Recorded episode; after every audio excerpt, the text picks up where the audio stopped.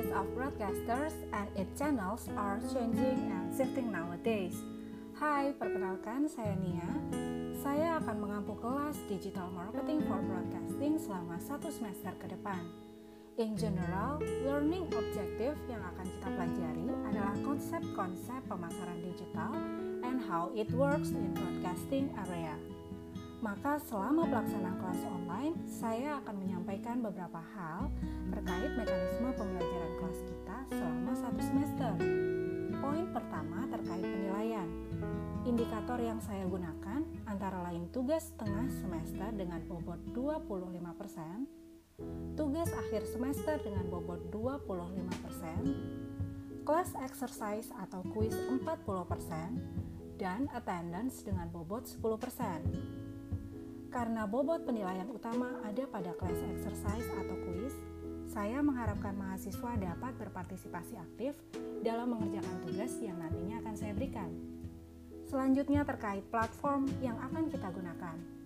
Kita akan menggunakan WhatsApp Group, Anchor, email, Zoom, dan sistem akademik. Jadi pastikan kalian telah memiliki aplikasi tersebut apabila ada presentasi studi atau hal-hal penting yang mengharuskan untuk kita melaksanakan tatap maya, kita akan menggunakan Zoom. Jadi untuk penyampaian ceramah atau materi perkuliahan akan saya sampaikan dalam bentuk segmen podcast seperti ini atau dalam bentuk materi PPT yang saya unggah melalui modul sistem akademik dan saya akan juga share di WhatsApp group. Selanjutnya terkait penugasan. Tugas yang akan saya berikan nanti dapat berupa esai, case study, dan juga presentasi. Media penyampaian tugas sesuai dengan platform yang tadi sudah saya jelaskan. Kita akan gunakan media Anchor, email, Zoom, maupun sistem akademik sesuai dengan brief penugasan.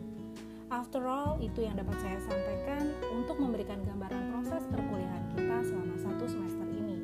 Welcome to the Digital Marketing Class for Broadcasting and see you on the next podcast and have a nice day.